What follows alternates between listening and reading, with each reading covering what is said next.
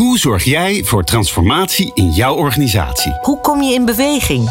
Hou je koers of stuur je bij?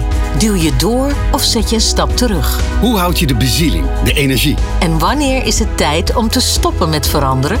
In Verandergasten vragen we het aan mensen die verandering vormgeven. Leer van hen hoe zij hebben geworsteld, hebben gefaald en hebben overwonnen. Dit is de podcast van Cede de Boer over het realiseren van transformaties. Houden jouw collega's zich altijd aan de wet en gedragen ze zich volgens de normen en waarden van jouw organisatie? Compliance is een vakgebied dat veel collega's eigenlijk maar gedoe vinden. Het houdt hen af van het echte doel: die klant binnenhalen, die patiënt helpen of die ene deadline halen. Maar die regels en richtlijnen zijn er niet voor niets. Sterker nog, een aantal grote misstanden hebben het belang van het vakgebied compliance wel onderstreept. En die zorgden er en passant ook nog voor dat er nog meer regels kwamen. Wat vraagt dat eigenlijk allemaal van een Chief Compliance Officer? En hoe krijg je andere mensen mee? Ik ben Glenn van den Burg en Angelique Keizers, Chief Compliance Officer van Unicredit AG, is mijn verandergast. Angelique, wat leuk dat je er bent. Overdrijf ik als ik zo praat over het vak? Dat is altijd een beetje het gevaar als je zo'n intro maakt. Dat je, maar jij misschien zegt, nou dat is echt onzin. Het gaat echt van een leien dakje allemaal. Nee, je zag mij misschien al lachen. Ja. Ik denk, uh, dit hebben we niet besproken, voorbesproken. Maar het, uh, het is wel uh, ja, de werk. Herkenbaar voor je. Heel herkenbaar. Ja. ja. Hoe, hoe, zou jij dit, hoe zou jij het vakgebied compliance omschrijven? Als je dat aan iemand moet uitleggen die echt geen idee heeft wat het is. Nou, als je het heel formeel zakelijk zou zeggen, zeg je compliance zorgt ervoor dat het bedrijf voldoet aan wet en regelgeving. Maar het is veel te eenvoudig. De compliance officer, de compliance afdeling zorgt er echt voor dat je met elkaar praat over wat is belangrijk, wat is uh, integriteit, uh, waar moet je aan denken als je zaken wil doen. En ook echt een beetje het geweten van de organisatie. Mm. Af en toe ook echt de spiegel durven voorhouden en het gesprek aangaan. Willen we dit echt? Misschien mag het wel vanuit de regelgeving, maar willen we het ook? Ja, en dat is juist het leuke aan het vak. Aha, ja, ik zie het al aan je. Je begint gelijk te stralen als je daarover praat. Wat is, stel je voor dat je het allemaal voor elkaar hebt. He, dat het is allemaal gelukt wat je wil bereiken. Wat, wat is er dan voor elkaar? Dus wat is het doel van compliance?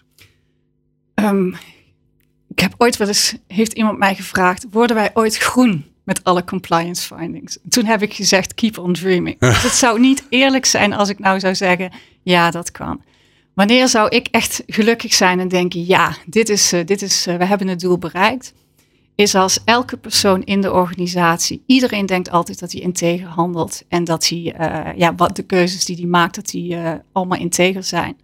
Um, maar dat ook iemand echt denkt van, goh, um, kunnen we dit? Willen we dit? Moeten we dit ook doen? En heb ik er goed over nagedacht? Ik zeg ook wel eens, als je een vraag krijgt van een journalist, Telegraaf of een andere krant, het staat morgen in de krant, kan je het uitleggen? Aha. Kan je uitleggen waarom je die keuze hebt gemaakt? Als je dat niet kan, denk dan even heel goed na of je dan ook deze beslissing ja. binnen het bedrijf kan het het daglicht verdragen. verdragen. Ja. ja. Oké, okay, dus als iedereen zich bewust is en nadenkt voordat hij handelt, misschien wel letterlijk handelt, hè, want ja. uh, handelt, business doet, ja. dan, dan heb je je belangrijkste gedeelte van je werk gedaan. En dan nog lukt het nooit om 100% alles goed te doen. Nee, en dat men bewust is van de risico's. Hè? Als je geen risico's neemt, dan kan je ook geen zaken doen. Dus je weet wat de regelgeving, de externe regelgeving vraagt. Dat is natuurlijk de basis. Ja. En als je dan ook kijkt, dat allemaal tezamen, kan ik dan verantwoorden wat ik doe? En wil ik dit risico accepteren? Um, ja, dan heb ik denk ik wel de uitdaging die dan voor mij is, hè, de spiegel voorhouden. Uh, dan heb ik wel bereikt. Soms kan ik het ermee eens zijn of denken, nou, ik had dit risico, dit reputatierisico niet genomen. Maar heel vaak denk ik ook, ja, als je geen risico's neemt, kan je ook niks bereiken. Dus je zult toch die keuze moeten maken. Dat, okay. ligt, bij de, dat ligt bij de business zelf. Dus ik hoor je eigenlijk ook zeggen, dat er is niet een soort een van, het is niet een soort goed-fout norm. Die is eigenlijk niet, niet af te geven. Nee. Nou moet ik wel eerlijk bekennen, als je bij een bank werkt zoals ik, dan is dat een nog iets grotere uitdaging. Want eh, de bankenwereld heeft natuurlijk hele goede toezichthouders. En binnen de bankenwereld zijn de regelgeving rondom witwassen, sancties, waar we nu natuurlijk heel veel uh, uitdagingen bij hebben, die zijn, uh, die zijn strak. En als je dan over sancties hebt, en, uh, geen zaken doen met bedrijven of personen die op zo'n sanctielijst staan, dan is het echt, wij, Ja, wij dan- noemen het dan zero tolerance. Dan heb je gewoon geen keus. Dan is het eh, zwart-wit. Ja. En dan nog kan ik me voorstellen dat je weer, wat doe je met de familie van? Er zijn natuurlijk altijd afwegingen te maken, wat het weer ingewikkeld maakt. Ja. Ehm, ja, we praten in deze podcast met verandergasten. Dus onze gasten houden zich bezig met veranderen. En dat begint altijd bij. Verandergasten. Beginnen met veranderen. Ja, dus ik neem je even eh, eh, mee terug. Misschien wel naar het begin van de baan waar je nu in zit. Maar het kan ook zijn dat je eh, op een andere plek binnenstapt. eh, aan een andere, eh, andere opdracht of op, op een andere plaats begint. Hoe begint dat voor, voor jou? Hoe begint ja, die verkenning van wat is hier gaande? Wat is hier nodig? Wat gaat er al goed? Wat gaat er niet goed? Hoe doe je dat? Ja, ik heb er even over nagedacht. Wat heb ik nou eigenlijk de afgelopen jaren gedaan? En hoe ben ik eh, in die eh, nieuwe rollen terechtgekomen? En eh, alle, eh, als ik naar kijk naar het partnership bij Ernst Young, eh, daarna Rabobank, nu UniCredit. Het is elke keer een vraag die ik kreeg en dat ik dacht, jeetje mina, maar wel gaaf. En wel echt, ik ben een echte vakvrouw en ik vind het ontzettend leuk om met mensen te werken, echt in een team. En ehm, ja, de uitdaging om daar iets moois van te maken en te bouwen, dat is voor mij echt heel belangrijk. Maar in alle drie de omgevingen ben ik binnengekomen dat ik dacht, wow, en nu? Hoe gaan we dat doen? Dus de, de, de lol zit er voor jou ook in dat het ingewikkeld is. Ja. Dat het niet, dat er Ja. geen gespreid bedje. Ja, of dat er echt iets anders moet eh, gaan, een andere opzet, een Ja. reorganisatie, eh, een andere manier van denken. En hoe bepaal je dan wat er nodig is? Want het is natuurlijk altijd complex en ingewikkeld en er zijn altijd meerdere perspectieven. Ja. Waar, waar begin je dan? Nou, het vakgebied, dus eh, een echte vakvrouw, eh, betekent wel dat je professionals om je heen hebt. Dus de basis is al, je weet wat, eh, waar je voor je gevraagd wordt, welke expertise je nodig hebt, dus ook wat voor mensen je om je heen nodig hebt. Eh, tweede weet je dat, nou, de regelgeving, dat is toch altijd ook wel een belangrijk onderdeel van, van het werk dat ik doe, geeft ook al het kader.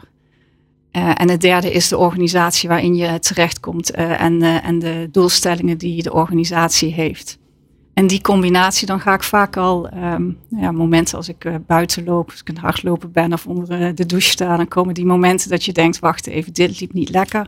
Hoe kan ik dat nou anders doen? En dan ja, ga je nadenken en dan heb ik toch wel snel zo'n plaatje in mijn hoofd van, nou, de govern, nou, ik ga ik, Engelse woord gebruiken, maar de structuur Ja. de structuur die eh, zou toch op deze manier misschien wat effectiever of makkelijker kunnen zijn of beter kunnen zijn. En dan ga ik erover nadenken en dan ga ik heel veel praten. Ik ben echt iemand die heel graag met, eh, met collega's praat.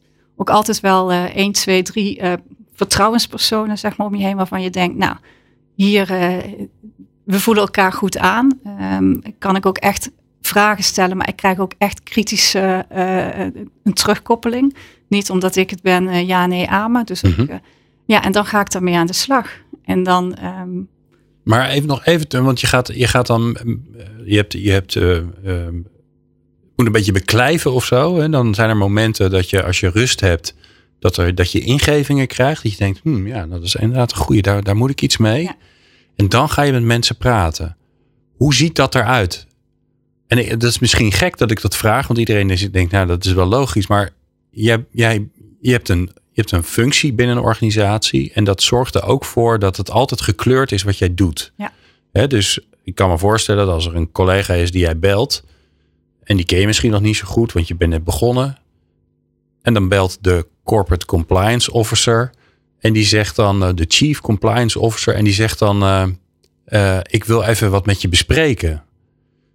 En ik, ik kan, dan gebeurt er al wel iets bij iemand. Dus hoe zorg jij er nou voor dat zo'n gesprek, ja, dat er, ook, dat er ook gebeurt wat je wil gebeuren? Dat iemand kan vertellen waar die mee zit of hoe, hoe die, wat, die, wat, die, wat zij of hij echt vindt. Nou, in mijn vorige rol, dus voor UniCredit, eh, eh, heb ik stages gelopen. Dus ik ben eh, bijvoorbeeld bij Rabobank naar een kantoor gegaan. Wat leuk. Ik heb daar met alle levels, alle niveaus gesproken. Met de, bankdirecteur, maar ook met de compliance officer van, van dat kantoor. En ook gewoon met iemand die daar op kantoor alles regelt en, en et cetera.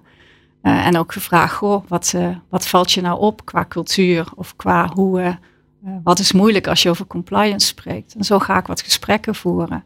En wat ik dan vaak ervaar is dat in die gesprekken ehm, ja, ik altijd heel transparant en open ben. En ook mezelf kwetsbaar opstel. En ook aangeef dat ik bepaalde zaken gewoon niet begrijp of niet weet. Dat ik daar hulp bij nodig heb. Mhm. En eigenlijk gebeurt het dan dat ik langzamerhand en best wel snel ehm, ehm, mailtjes krijg of telefoontjes krijg. Je zou ook met Pietje of Jantjes moeten gaan Aha. En dan hoor je echt heel veel. En dan krijg je ook wel het gevoel, hé, hey, dit, is, eh, dit is er aan de hand. eh, en hier moet ik wat mee. Ja, en dan is het de kwestie van eh, de juiste mensen en ook de juiste initiatieven nemen om, om ook gewoon te zorgen dat je met elkaar erover wil en kan praten. Het is niet altijd makkelijk, want dan denk je, oh, ik moet met Pietje gaan praten. En als je dan met Pietje praat, dan zie je toch van, Pietje wil niet zo graag praten. Nee, je heeft er niet zoveel zin heeft er in. niet zoveel zin in. Ehm, Nee, want je wil natuurlijk, dat is natuurlijk het gekke van jouw vak. Je wil dat mensen vertellen waar het niet klopt. Ja. Dus je wil dat mensen zeggen, nou, daar is vuile was. Of sterker nog, je hebt, het allerliefste is natuurlijk dat mensen zeggen, ja, hier is mijn vuile was. Dit, dit gaat er niet goed bij mij onder mijn verantwoordelijkheid. Ja. Dat lijkt me onwijs ingewikkeld. Ja. Dan moet er heel veel vertrouwen zijn. Ja, nou kijk, een ander onderwerp wat ook bij compliance hoort, is uh, zorg dat mensen als ze inderdaad signalen hebben waar ze van vinden dat dat besproken of geadresseerd moet worden. Zogenaamde de klokkenluiders en de klokkenluidermeldingen. Dat is ook een onderdeel van compliance wat uh, heel relevant is. En ja, als je zorgt dat je inderdaad die, uh, dat vertrouwen weer uitstraalt of laat zien dat, je, dat collega's met dit soort onderwerpen kunnen komen. Um, Hoe doe je dat? Um, nou, eerst zorgen dat je uh, met elkaar erover spreekt. Van uh, hè, durf je uit te spreken als je zaken ziet die niet in het belang zijn van de organisatie. Of niet uh, een, risico zijn voor de organisatie. Of gewoon niet integer is met betrekking tot jouw collega's, et cetera. Voel je vrij om dat te bespreken. ga naar je manager of ga naar compliance. En als je dat niet wil, dan kan je ook zeggen: um, ik pak de anonieme meldlijn. Um, en dat klinkt heel formeel. Maar met voorbeelden en ook als er dan zo'n zaak wordt geadresseerd, laten zien dat je dat oppakt. En natuurlijk niet met naam en toenaam, want zo werkt het niet. Maar hmm. men ziet het en je merkt dan ook altijd dat er wel over gesproken wordt. En het belangrijk, wat ik belangrijk vind, is laten zien dat je de zaken serieus neemt. Dat je erover wil spreken met elkaar. En als je wil veranderen, of het nou een integriteit is of je wil met elkaar veranderen.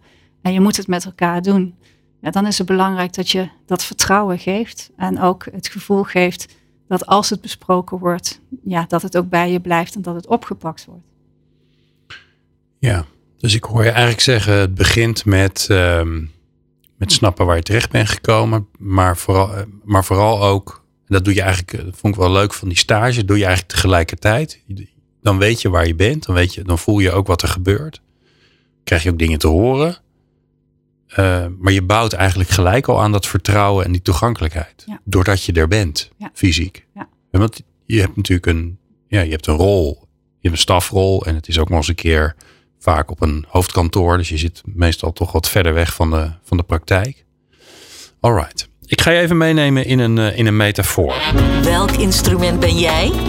Ja, dus um, stel je uh, jouw favoriete band, orkest, um, uh, fanfare. Nou, ik weet niet wat voor muziek je houdt, maar stel je, stel je die voor. Um, en je moet een instrument uitkiezen. Wat ben je dan? Niet zijnde de dirigent. dat zijn er veel, hè? uh, nou, ik, ik blijf gewoon heel dicht bij mezelf. Ik ben niet heel muzikaal, maar ik heb wel vroeger natuurlijk zoals iedereen een blokfluit gespeeld. Maar ik heb ook in een drumband gezeten. En die drumband, had ik de doffe trom. De doffe trom. En de doffe trom is degene die zorgt dat het ritme juist blijft en dat je maar doorgaat. En als ik dan denk over hoe ik ben, dacht ik, nou, dat past eigenlijk best wel heel Hmm. erg goed bij mij. Het ritme geven, doorgaan, onderdeel zijn van het team en er echt voor ja, knallen, lekker uh, hard op die trommel slaan. Ja, Dus, maar, eh, maar ja, eh, grappig. Maar niet, uh, maar niet in de spotlights. Nee, Niet echt. nee dat klopt. Maar wel heel belangrijk. Ja. Ik hoef ook niet elke dag bo aan de, uh, boven uh, op dat podium te staan. Um, maar ik ben wel iemand, als het, uh, als het dan uh, dat ritme niet goed gaat, dan ga ik wat harder op die trommel slaan. denk ik, let luister eens even jongens. Ja. We gaan te langzaam. Of, uh, ja, je kan wel, dus je kan een tempo een ja. beetje bepalen natuurlijk. Dus je gewoon wat sneller gaat slaan. Ja, mooi. Ja, ja, ja.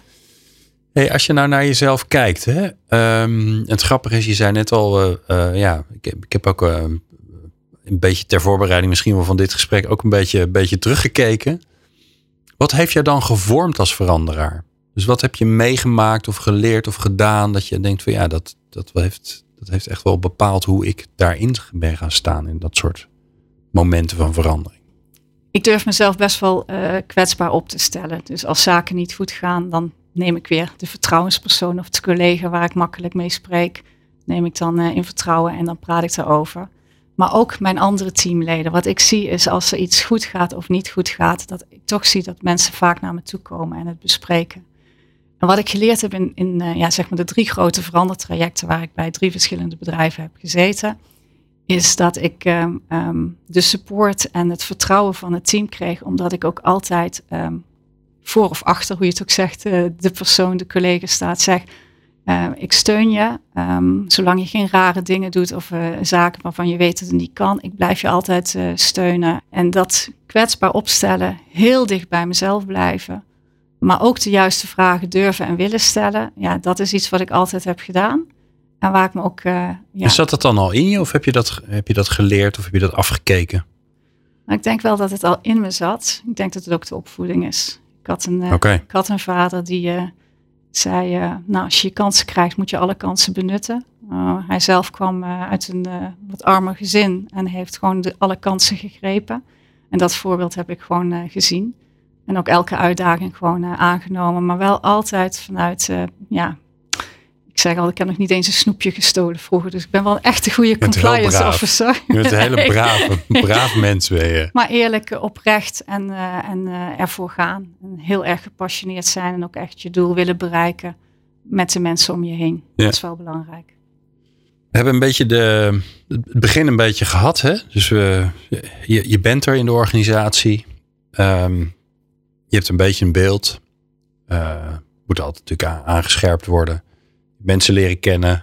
Uh, je hebt een leuk team waar je, waar je op kan bouwen en zij op jou. Maar ja, dan wordt het ook tijd om. Uh... Verandergasten. Doorgaan met veranderen. Ja, dat is altijd een interessante fase. Vooral omdat ik er zelf niet zo goed in ben. dus dat is altijd interessant om van anderen te horen. Um, uh, hoe, hoe hou je vol? Ja. Wat, wat, wat is je energiebron waar je altijd uit kan putten? Ja. Nou, daarom moest ik zo lachen met jou, jouw begin. Hè? Want eigenlijk heb ik wel een hele vervelende functie. En ik weet nog goed dat ik uh, bij uh, uh, de vorige bank was. En ik op een gegeven moment in het begin dacht van, verdorie. Ik ben ook altijd de, de tuthola, nou, de, de bitch. Die altijd komt vertellen van, nou ja, dit kan niet. En toen zei een van de commissarissen, ja Angelique, luister. Als jij aardig gevonden had willen worden, had je gewoon een andere job moeten kiezen. En dat heeft zoveel impact op mij gehad. We hebben natuurlijk ontzettend gelachen met elkaar. Maar wel gezegd van ja, ehm, ik sta voor iets. Ik heb een hele belangrijke rol. Weer het geweten van de, van de organisatie. Ik ben gevraagd en dat is mijn taak om de spiegel voor te houden.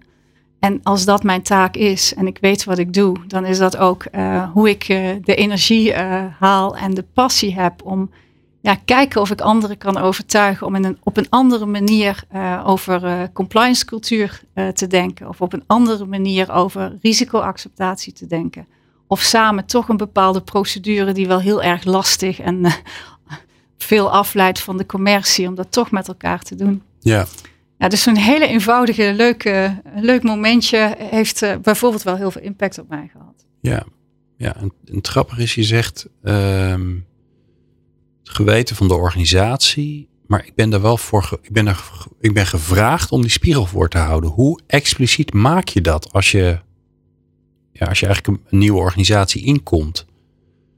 He, want er zijn, he, het is ook een vakgebied wat, wat erbij hoort. He, je hebt het geld net, kost. Net zoals dat je finance hebt en HR heb je ook compliance. Dus het, je, je kan ook aangenomen worden, neergezet worden van ja, dat hadden we ook nodig. Moet, moet van de regelgever. En, uh, maar we willen er niet zoveel last van je hebben. Ja. Dus hoe zorg je ervoor dat je weet dat je, dat je, dat je gewenst bent om die spiegel voor te houden? Ja. Nou, je zegt het goed, hè? Want uh, in al die tijd dat je in zo'n functie zit, heb je heel vaak momenten dat je dat denkt. Uh, of dat je ziet dat de ander denkt van ja, verdorie, het moet. En dat is juist, dat geeft mij juist die trigger om dan door te praten en dan te kijken. van ja, dat, dat, dat vind ik natuurlijk niet leuk als je op die manier uh, behandeld wordt binnen de, binnen de organisatie. Wel beseffende dat dit natuurlijk best soms zo kan zijn en logisch is. Ja, dat, dat, dat vind ik wel, uh, dat vind ik juist uh, het spannende. Dan krijg ik weer extra energie. En dan moet ik wel opletten dat ik niet te enthousiast word, want dan ga je natuurlijk. Uh... Maar even, even dat ik het goed snap. Jij komt op een nieuwe plek. Je stelt je voor, weet ik veel, ergens in de landen, want jouw organisatie zit, zit over de hele wereld. En dan voel je in het gesprek van, nou, deze persoon die, vindt, die vindt het eigenlijk maar ingewikkeld dat ik er ben. En daar krijg je energie van. Wat is dat voor raars? Raar, hè? Ja. Ja, daarom zeg ik ook, je moet ook wel een raar persoon zijn om uh, weten dat je continu die spiegel voor moet houden. Terwijl mensen soms echt wel een andere gedachte hebben. Maar dat is juist, dat is het gesprek aangaan. En dat is die maar wat vind je daar zo leuk aan? Leg me dat eens uit. hoe, hoe, hoe werkt dat? Nou, als ik overtuigd ben dat ik de persoon kan helpen ook. Dus als je een commerciële besluit moet nemen en dat je weet dat bepaalde zaken misschien toch niet zo handig zijn en dat je dus als het morgen in de Telegraaf staat het niet zo goed kan uitleggen. Ja, dan word ik geenthousiasmeerd, of dan enthousiasmeer ik mezelf door te zeggen, ja, Angelique, dit is jouw taak. Ja. Uh, en als degene toch dat besluit neemt, uh, dan heb ik in ieder geval mijn best gedaan om in ieder geval dat gesprek aan te gaan. Uh, uiteindelijk is degene zelf verantwoordelijk voor de keuze die, die hij of zij maakt. Maar het is wel mijn taak om die spiegel voor te houden. Oké.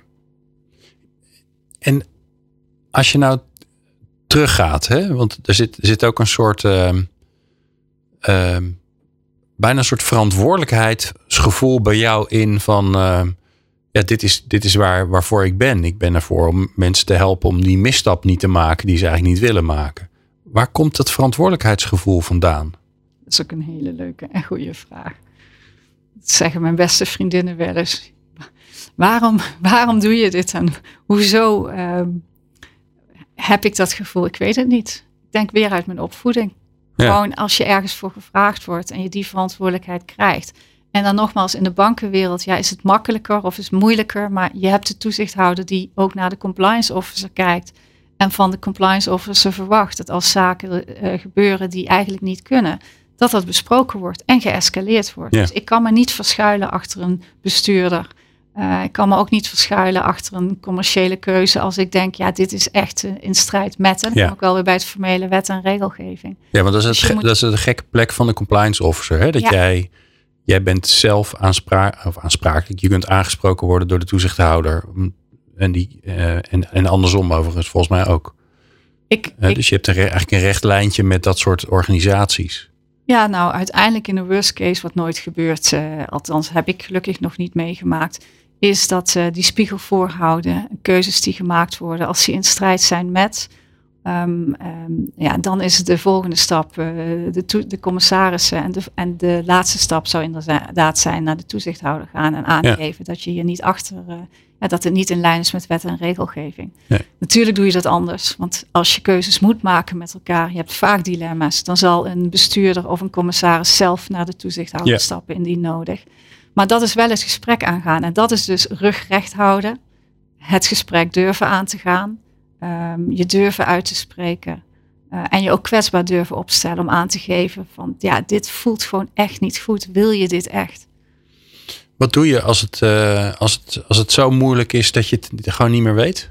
Dat je denkt, uh, poeh, jeetje mina, waar ben ik nou in verzeild geraakt? Ja, maar dat, dat als expert, als vakvrouw samenwerken met de bestuurders die ook in dat dilemma zitten, uh, spreek, bespreek je dat met elkaar. Okay. Dan zit je samen en dan kijk je met elkaar en dan uh, wordt de keuze natuurlijk, hè, nogmaals, de bestuurder is uiteindelijk eindverantwoordelijk. Uh, de bestuurder zal uh, met mijn hulp en met mijn uit, met mijn challenge uh, een keuze maken. En als we dan niet met elkaar eens zijn, ja, dan zullen we ook met elkaar moeten kijken hoe gaan we nu verder. Ja, maar je moet wel zo nauw met elkaar samenwerken met de bestuurder. Ja. Anders kan je dit werk niet doen. Ik heb een echte WhatsApp, text message, whatever. Als er iets is wat ik krijg, wat ik wil bespreken, dan, uh, dan heb je gewoon die directe lijn. En je ja. moet ook continu die directe lijn hebben. Dat is gewoon een voorwaarde om überhaupt te kunnen, te, je rol te kunnen uitoefenen. Ja. Hoe, hoe, zorg je zelf voor, voor reflectie op, op, op, je eigen, op je eigen rol, je eigen handelen, op de lastige momenten die je hebt? Ja. Um, ik heb ooit een keer een, uh, een arboarts gesproken en die, uh, we hadden wat issues met uh, wat teamleden. En die zei tegen mij: Weet je wat jij moet doen met al die, die issues in je team? Elke dag na de lunch, benen op tafel uh, en 15 minuten nadenken. Hm. Eh, die benen op tafel, 15 minuten nadenken, dat is niet. Ik heb eh, toen ik eh, in Utrecht werkte, gebruikte ik altijd naar huis rijden voor het zelfreflectiemoment. Dat heb ik eigenlijk altijd wel gedaan. En nou, wat vaak meer mensen hebben, is onder de douche ochtends staan. Het zijn ook van die momenten Ja. dat je ehm, ja, dat is- je dat is- aderen open gaan en dat je wat heldere momenten krijgt. Maar ik ben ook vooral heel kritisch. En soms ben ik ook te kritisch. En vooral ook naar mezelf. Dus als iemand mij een signaal geeft, dan ben ik al eh, in het hele negatieve van hoe had ik dat anders kunnen doen. Eh, soms is dat lastig. Ik ben er ook wel weer aan gewend nu. Ik weet gewoon, joh, Angelique, zo ben je nou eenmaal. Want ja, ik. eh, Want ben je bent een tikje perfectionistisch. nee, ja, niet. Valt dat wel mee? Nee, het perfectionisme heb ik wel afgeleerd. Want op een gegeven moment kan je niet en perfectionist zijn op kantoor en voor je kinderen en voor je man en thuis. Dus toen ik merkte van, nou, dit gaat me allemaal niet meer lukken, dan maar eh, iets minder mooi eh, schoon huis, eh, heb ik het perfectionisme losgelaten. Op mijn werk ben ik wel, als er een rapport uitgaat, moet het rapport goed zijn. Als er zaken in staan die niet, die ik dacht van ja, verdorie, daar hebben we het al drie keer over gehad. Dan kan ik ook behoorlijk eh, geïrriteerd zijn. Dat is ook wel mijn valkuil, dat ik dan ook wel zeer uitgesproken ben. Dat heb ik natuurlijk ook in de jaren geleerd om af en toe tot tien te tellen. Ja, want hoe, is dat, hoe doe je dat in Duitsland?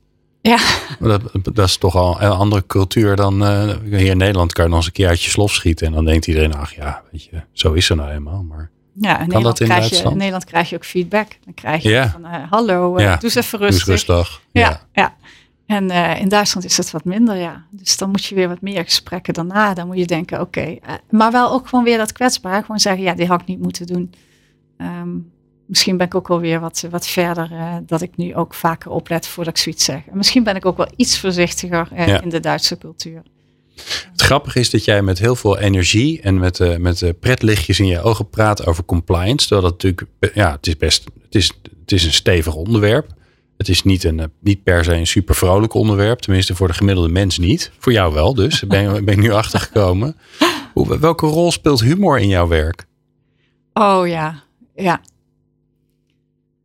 Ik had ooit een eh, collega, die, die ik overigens ook nog eh, vaak zie, die zei altijd, Angelique, we moeten minimaal één keer per dag keihard lachen. En diegene die lachte ook echt elke dag keihard. Op de andere, aan de andere kant van de gang hoorde je haar, het was een zij, ook haar nog lachen. Ehm, dat heb ik ook vaak, dat ik denk, als ik dan te kritisch ben of geïrriteerd, denk kom op, het is maar werk. En kom op, je doet je best. En als anderen het anders zien, ehm, ehm, ja, dan heb je in ieder geval je best gedaan. En dus af en toe over dingen spreken en over hoe mensen bepaalde zaken bespreken of gewoon niet weten of denken van, eh, ja, gewoon eh, af en toe eh, lekker uitgesproken daarover zijn met iemand vertrouwelijk. Ja. Dat, dat helpt mij wel om, Oké. om met beide benen op de grond te blijven. En wie helpt jou naast, naast je collega's om met beide benen op de grond te blijven?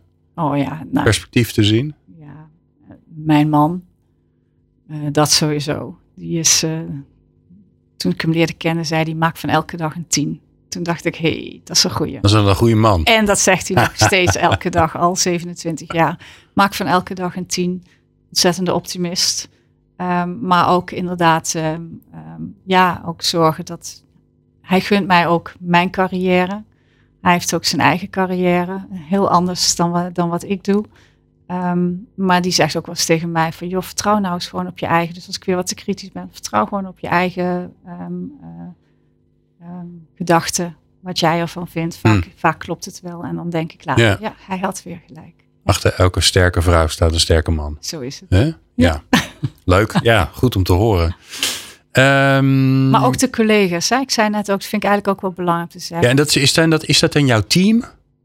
Want je doet het niet alleen, denk ik. Nee, het is, Ja. het is in je team vaak. eh, het is je eigen managementteam. eh, waar je gewoon echt elkaar door en door moet vertrouwen. En moet willen vertrouwen. Als dat niet is, dan denk ik, dan is het voor mij ook va- vaak wel lastig. Dus dan ga ik ook het gesprek aan. En vaak verandert het dan, eh, dan ook. Maar het is ook iemand of één of twee op je werk waar je af en toe op de, de vrijdagavond, nou dat is bij mij nu niet meer en nu ik in Duitsland eh, woon, maar de vorige keren was het vaak op vrijdagavond. Als iedereen naar huis was, bleef je toch nog een uurtje zitten Ja. om eens te praten over die week en wat ging goed en wat hadden we anders kunnen doen. Ja, want jij bent nu, je zit in Duitsland, maar je woont niet in Duitsland. Nou, ik woon, Toch? Ja, door de week woon ik in Duitsland. Ja. Ja. Ja, maar ja. Een nieuwe uitdaging. Dus je pendelt een beetje heen en weer. Ja. Ja, Ja. maakt het leven ook niet makkelijker. Nee. Kan ik me voorstellen. Ehm, we, we zijn heel erg doorgegaan met veranderen, maar er komt ook een moment en dan moet je stoppen. Verandergasten. Stoppen met veranderen. Ja, dat wil niet zeggen dat je bij het bedrijf weg moet hoor. Dat, eh, want je, je, al net. je- ik wou niet zeggen, je bent relatief net begonnen. Eh, nee, maar meer, eh, ja, je zet dingen in beweging. zeker ook in zo'n grote organisatie. Hè. Dat is natuurlijk niet één organisatie. Het zijn allemaal kleine organisaties, het zijn afdelingen. Dus ik kan me ook voorstellen dat in elk, op elk plekje weer wat anders moet gebeuren. Ja, er komt ook een moment dat, dat, je, dat je kracht uitgewerkt is. Dat jouw jouw specifieke kwaliteiten eigenlijk niet meer nodig zijn. Wat is dat moment? Wanneer weet jij gewoon van nou, ik moet nu even een stapje terug doen. Ben niet, eigenlijk ben ik niet meer nodig. Ja, niet, eh, niet meer nodig of niet meer voldoende effectief. In ieder geval vanuit je eigen gedachten. Nou, dat heb ik zelf gehad bij mijn vorige rol. Eh, dus bij de Rabobank heb ik een ontzettende leuke organisatie neergezet met heel veel uitdagingen. En ook denk ik dat we hele goede stappen hebben gemaakt. Maar na vijf jaar het zo goed neerzetten eh, en ehm, ehm, toch bepaalde aspecten die gewoon ingewikkeld zijn bij elke organisatie, die zie je toch ook door blijven gaan. En dan is de vraag, nou, hoe lang moet je als compliance officer op zo'n functie blijven? Ik heb altijd al hardop gezegd, een audit, eh, hoofdaudit of een hoofdcompliance moet max zes, zeven jaar op een functie zijn. Daarna moet er een nieuwe, frisse blik gekeken worden. Doen we nog steeds de dingen op de juiste manier? Kunnen we het anders doen? En na vijf jaar bij Rabobank kwam bij mij dat moment dat ik eh, ook merkte dat eh, de energie en de passie iets anders werd. Omdat het eh, toch eh, ja, een beetje herhaling werd. Of dat je misschien niet meer die indruk of die impact kon maken als je zelf zou willen. En toen ben ik eens gaan nadenken. Ja, en Hoe weet je dan- dat? Wat zijn, de, wat zijn jouw signalen waardoor je ondertussen weet, daar moet ik op letten. Als dat gebeurt, dan is er iets aan de hand. Nou, als ik merk dat ik, eh, dat had ik bij Ernst Jong en, en ook bij, goh, ik, ik moet even terug, een ander voorbeeld bij Ernst Jong. Nou, ben je natuurlijk gewoon partner en verantwoordelijk voor de business. En ik weet nog goed dat ik op een vrijdagavond een proposal eh, moest maken, dus een eh, verzoek kreeg voor, eh, voor een opdracht. En dat ik dacht, gadverdarrie, moet ik weer het hele weekend aan de slag. En toen dacht ik, hey, Angelique, dit is niet goed. Hmm, Oké, Dit is jouw business. Dit is waar jij voor, voor leeft. Je zou, blij, je zou blij moeten zijn, want je, krijgt een, je krijgt een, je krijgt krijgt een vraag. Ja, Ja, En dat is zo'n moment dat even bij mij. En dan, maar dan heb ik, dat gaat dan ook snel. En datzelfde was dan bij Rabobank. Dat ik onwijs trots was op het team. Onwijs trots wat we allemaal hadden bereikt. Maar ook zag dat de fine-tuning eh, en, en de zaken die nog zouden komen, nog wel 1, 2, 3 jaar zouden duren.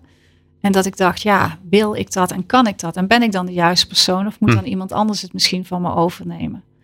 En ehm, eh, ik weet niet, maar op de een of andere manier sta je dan daar open voor. Hè? Als je, en dan gebeuren er zaken. Ja, dan dan, word je krijg gebeld. je telefoontjes, Ja. dan word je gebeld. En dan denk ik, waarom word ik nu gebeld? Of waarom sta ik daar nu dan voor open? Waarschijnlijk is dat een combinatie. Ja.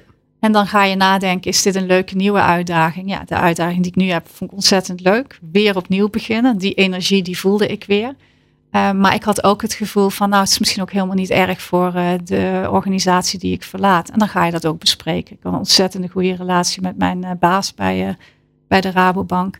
En dan bespreek je dat. Nou, en dan nou, gebeurt er iets. Oké, ja. En ik hoor je eigenlijk ook zeggen, maar dat moet je mij even corrigeren als dat niet zo is. Um, team bouwen, teamstaat.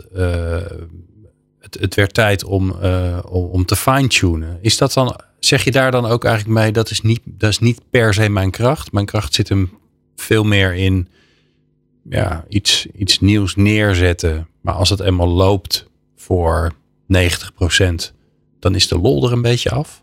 Ja, dat zeggen veel change managers natuurlijk. Yeah. Grote lijnen neerzetten en als het de details zijn, dan uh, is het niet meer interessant. Nee, dat zeg ik niet. Ik ben een accountant, hè? don't forget. een accountant zijn uh, van de details. Ja. Dus nee, ik, uh, ik, ik kan zelfs tot drie uur s'nachts doorgaan als ik iets niet begrijp of als iets niet klopt of als iets af moet. Dus ik kan zeker in de details gaan. En ik denk dat dat ook mijn kracht is, dat ik gewoon uh, onderdeel ben van het team. En het maakt niet uit wat er moet gebeuren. Als het niet af is, dan doe ik precies hetzelfde als elk ander teamlid.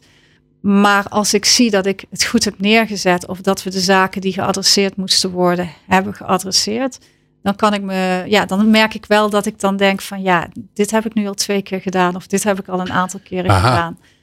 Um, um, dus ik denk, misschien, ik denk dat het misschien wel een beetje klopt dat je dan op een gegeven moment denkt, het is weer toe, of ik ben weer toe aan een nieuwe ja, ja. uitdaging. Ja, ja.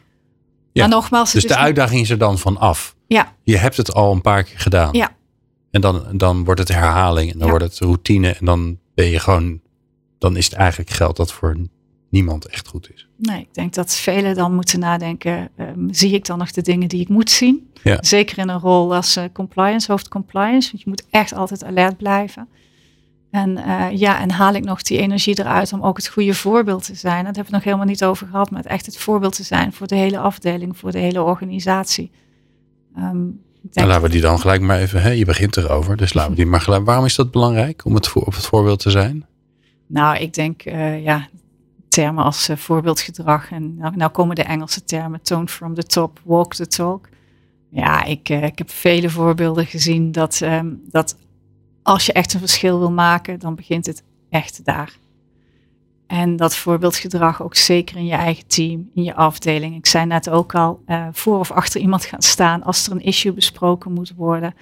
Toen ik wegging bij de bank kreeg ik gewoon hele lieve appjes. En ook bij Ernst Jong overigens van de dank dat ik altijd zo ehm, ja, de mensen gesupport heb in moeilijke situaties, in dilemma's, et cetera. Ja, Loyaal ben je. nou, het is niet, Ja. het is niet alleen loyaal, maar ook gewoon ehm, de verantwoordelijkheid durven te nemen. Weten dat je een moeilijk gesprek aan moet gaan. Of weten dat een zaak besproken moet worden. En, en als je zegt tegen iemand van ga er maar voor, ik, eh, ik steun je. Ja, dan moet je dat ook blijven doen. En dat is ook niet altijd, eh, als het een beetje lastig wordt, zijn er sommigen die ook dan weer de andere kant op kijken. Ja, dat past niet bij me. En eh, ja, dat, dat is denk ik wel over voorbeeldgedrag gesproken. Ehm, voor mij heel belangrijk in ieder geval. Ja, jouw voorbeeldgedrag is natuurlijk belangrijk, maar ook het voorbeeldgedrag van, eh, van de CEO, van, van jouw collega, van, van de baas van de, van de organisatie. Daar wordt natuurlijk ook heel erg naar gekeken. Ja. Sterker nog, er worden waarschijnlijk heel veel eh, interpretaties gedaan van ja, wat, wat is man of een vrouw bij jullie? Voordat ik. eh, Nu, nu is het een, eh, een man. Ja. Oké. nou ja, er is nog ruimte voor je. Maar het is niet eh, helemaal waar. niet? De, de CEO van, van de Duitse entiteit is inderdaad een man, maar de eh, compliance van de Italiaanse groep is een, is een vrouw. Oké, Dus ja, heb dus het is maar hoe je kijkt. Of je functioneel of hiërarchisch of andersom juist, kijkt. juist, ja. juist, ja. Maar ehm, eh, nee, er wordt natuurlijk heel vaak ook gewoon een soort van inschatting gemaakt van wat zou hij of zij vinden, hoe, wat zou hij of zij doen. Dus het is meer- zelfs een beetje de, de geest van de CEO die, eh, waarover gepraat wordt, terwijl die er vaak niet eens bij is. Wa- Wat is dan de rol van zo'n, van zo'n leider als het gaat om compliance? Nou, heel groot. Maar ik kan ook gewoon het voorbeeld geven. Ik, ik heb bij allebei de organisaties gevraagd om elke vier, zes weken één op één gesprek te hebben. En echt niet om alle ingewikkelde issues te bespreken, want die bespreek je pas met de CEO op het laatst of als hij inderdaad eh, actie moet ondernemen. Maar gewoon mee te nemen, wat gebeurt er eigenlijk in de organisatie?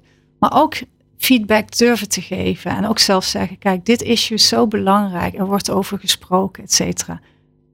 Sta op, laat zien dat je dit ook belangrijk vindt. Ja, en dat het niet oké is of Ja. dat het belangrijk is Ja. om er aan bezig te zijn. Ja, ja. En dan zie je dat dat soort gesprekken natuurlijk niet eenvoudig zijn en ook niet zo snel gebeuren met een bestuurder. Maar dat beeld geven over wat gebeurt er in de organisatie. En eh, het is helemaal niet negatief hoor, maar gewoon de kleine. In elke organisatie zijn er zaken met medewerkers, collega's, et cetera. Gewoon dat goed bespreekbaar maken. En dat ook durven te bespreken. En ook te vragen van aan de bestuurder om, eh, om daar aandacht aan te besteden. En eigenlijk gebeurt het dan ook altijd wel. Ja. En hoe ga je dan, dat is interessant natuurlijk, mensen moeten het vertrouwen in hebben om dingen aan jou, aan je collega's te kunnen vertellen. Jij hebt het vertrouwen nodig van de bestuurders dat jij ze dingen vertelt die belangrijk voor hen zijn. Maar die mogen ook weer niet één op één bij elkaar komen. Want dan, dan heb je waarschijnlijk ook weer een probleem. Dus hoe ga je met die, met die soort mengelmoes van, van vertrouwen om? Want je kunt. Soms kom je, denk ik, in situaties waarbij je het vertrouwen van de een moet beschamen om het vertrouwen van de ander te kunnen. Ja. Nou ja, als jij het snapt, dan, Ja. dan komt er vast een mooi antwoord. Het begint complex te worden in mijn hoofd. Nou, dat is weer transparantie. Hè? Als iemand iets heel belangrijks vertelt, of echt een serieus issue, en dat heb ik niet zo heel vaak meegemaakt, dan ga ik liever terug naar mijn Ernst Jong tijd, waar ik gevraagd werd door klanten, door bedrijven, als er een serieus issue speelde. Ja. Dus dan kwam je daar, dan heb ik, ik was daar partner uh, de fraud investigations, dus de onderzoekspraktijk. Nou, dan kwam je altijd in een crisis en er was altijd een issue. En wat de bestuurder dan deed, was volledig op je vertrouwen. Want ze huren je in om het probleem uh, te onderzoeken en op te lossen. Ja, dat, dat is um, um, waar je moet laten zien dat je aan de ene kant uh, het vertrouwen hebt van degene die je uh, de, de informatie geeft. Maar je ziet ook vaak dat zo iemand dan zegt, maar ik wil niet dat je het verder bespreekt. En dan heb je twee opties. Zeg je, oké, dan ga ik het meer algemeen bekijken en kijken of ik het op een andere manier procesmatig kan Ja. oppakken. Of je zegt, je hebt hier zo'n belangrijk punt. Dit is zo belangrijk. Ik denk dat het gewoon goed is als je het wel bespreekt. Ik wil het voor je doen, we willen het samen doen. En dan is het weer een kwestie van vertrouwen, maar ook aangeven waarom het zo belangrijk Ja. is. En dan vaak kom je er toch wel uit en ga je dus met z'n drieën het gesprek aan. Mooi. En als dat niet zover komt, ja, dan is het natuurlijk ook aan degene die het niet wil. Eh, daar, dan moet je, ja, dat vertrouwen moet je wel eh, niet schenden. Dus dan houdt het, eh, houdt het op. Mooi. Ehm, aan het einde van zo'n zo'n verandering, van, waar je met hart en ziel en met collega's en alles hebt ingezeten, hoe sluit je dat voor jezelf af? Hoe maak je er een, maak je er een, een geheel van? Ja, ik heb nooit het echt afgesloten. Ehm, wel als ik wegga, dan heb je natuurlijk een leuke borrel en dan krijg je een leuke. Ja, Ik kreeg bijvoorbeeld eh, bij mijn laatste kreeg ik een heel mooi magazine. Niet de Linda punt, maar de Angelique met allemaal leuke zaken. Nou, dan, dan, dan krijg je, denk je echt, ja, we hebben het echt leuk gedaan en we hebben het echt goed gedaan met elkaar. Uh, maar als je een, een, nou, bijvoorbeeld uh, een reorganisatie in een half jaar tijd, een hele organisatie omgegooid, duizend mensen, allemaal op andere functies, afgestemd met de Works Council ondernemingsraad. En als je dat dan bij, hebt bereikt, nou, dan heb je met elkaar toch ook wel uh, gewoon een, een, drankje op kantoor of, uh, of een ja, borreltje. Maar daar maak je ja, wel een moment van. Ja, ja nee, maar voor, ik, ik, doe zelfs elke week hebben we met het, uh, het team een hele eenvoudige korte call op woensdagochtend, waarin we met elkaar successen delen, maar ook de aandachtspunten van, van die week. Uh, maar als je geen successen met elkaar deelt, dan is het ook wel lastig. En zeker in een compliance rol, waar je altijd met de, of altijd, waar je vaak toch een wat lastigere boodschap hebt om Ja. elkaar ook te blijven enthousiasmeren. Dus uh, ja, successen delen, kleine dingen en grote dingen. Wel een goed idee. Uh, we eindigen met uh, wat ik aan iedereen vraag, wat ik aan alle verandergasten vraag. Uh, er, er, luisteren veranderaars naar deze podcast, die zelf ook bezig zijn met veranderingen in de organisatie. Wat zou je die veranderaars mee willen geven vanuit je ervaring? Um, ja, misschien ook weer een beetje flauw. Het ook veel veranderaars of veel zeggen. Blijf heel dicht bij jezelf. Um, uh, durf um, uh, zaken te bespreken die lastig zijn, maar durf je ook kwetsbaar op te stellen. Ik denk dat uh, ik heb bereikt waar ik nu ben en wat ik allemaal heb gedaan, waar ik ook met trots op terugkijk. dat ik altijd dicht bij mezelf ben gebleven. En ik hou anderen de spiegel voor, maar ik kijk ook ochtends zelf in de spiegel van, nou, alles wat ik gisteren en de afgelopen dagen gedaan heb, sta ik daar nog achter. En als het niet zo is, ook bespreekbaar maken. Dus ook dat kwetsbaar opstellen weer met anderen, uh, naar anderen toe.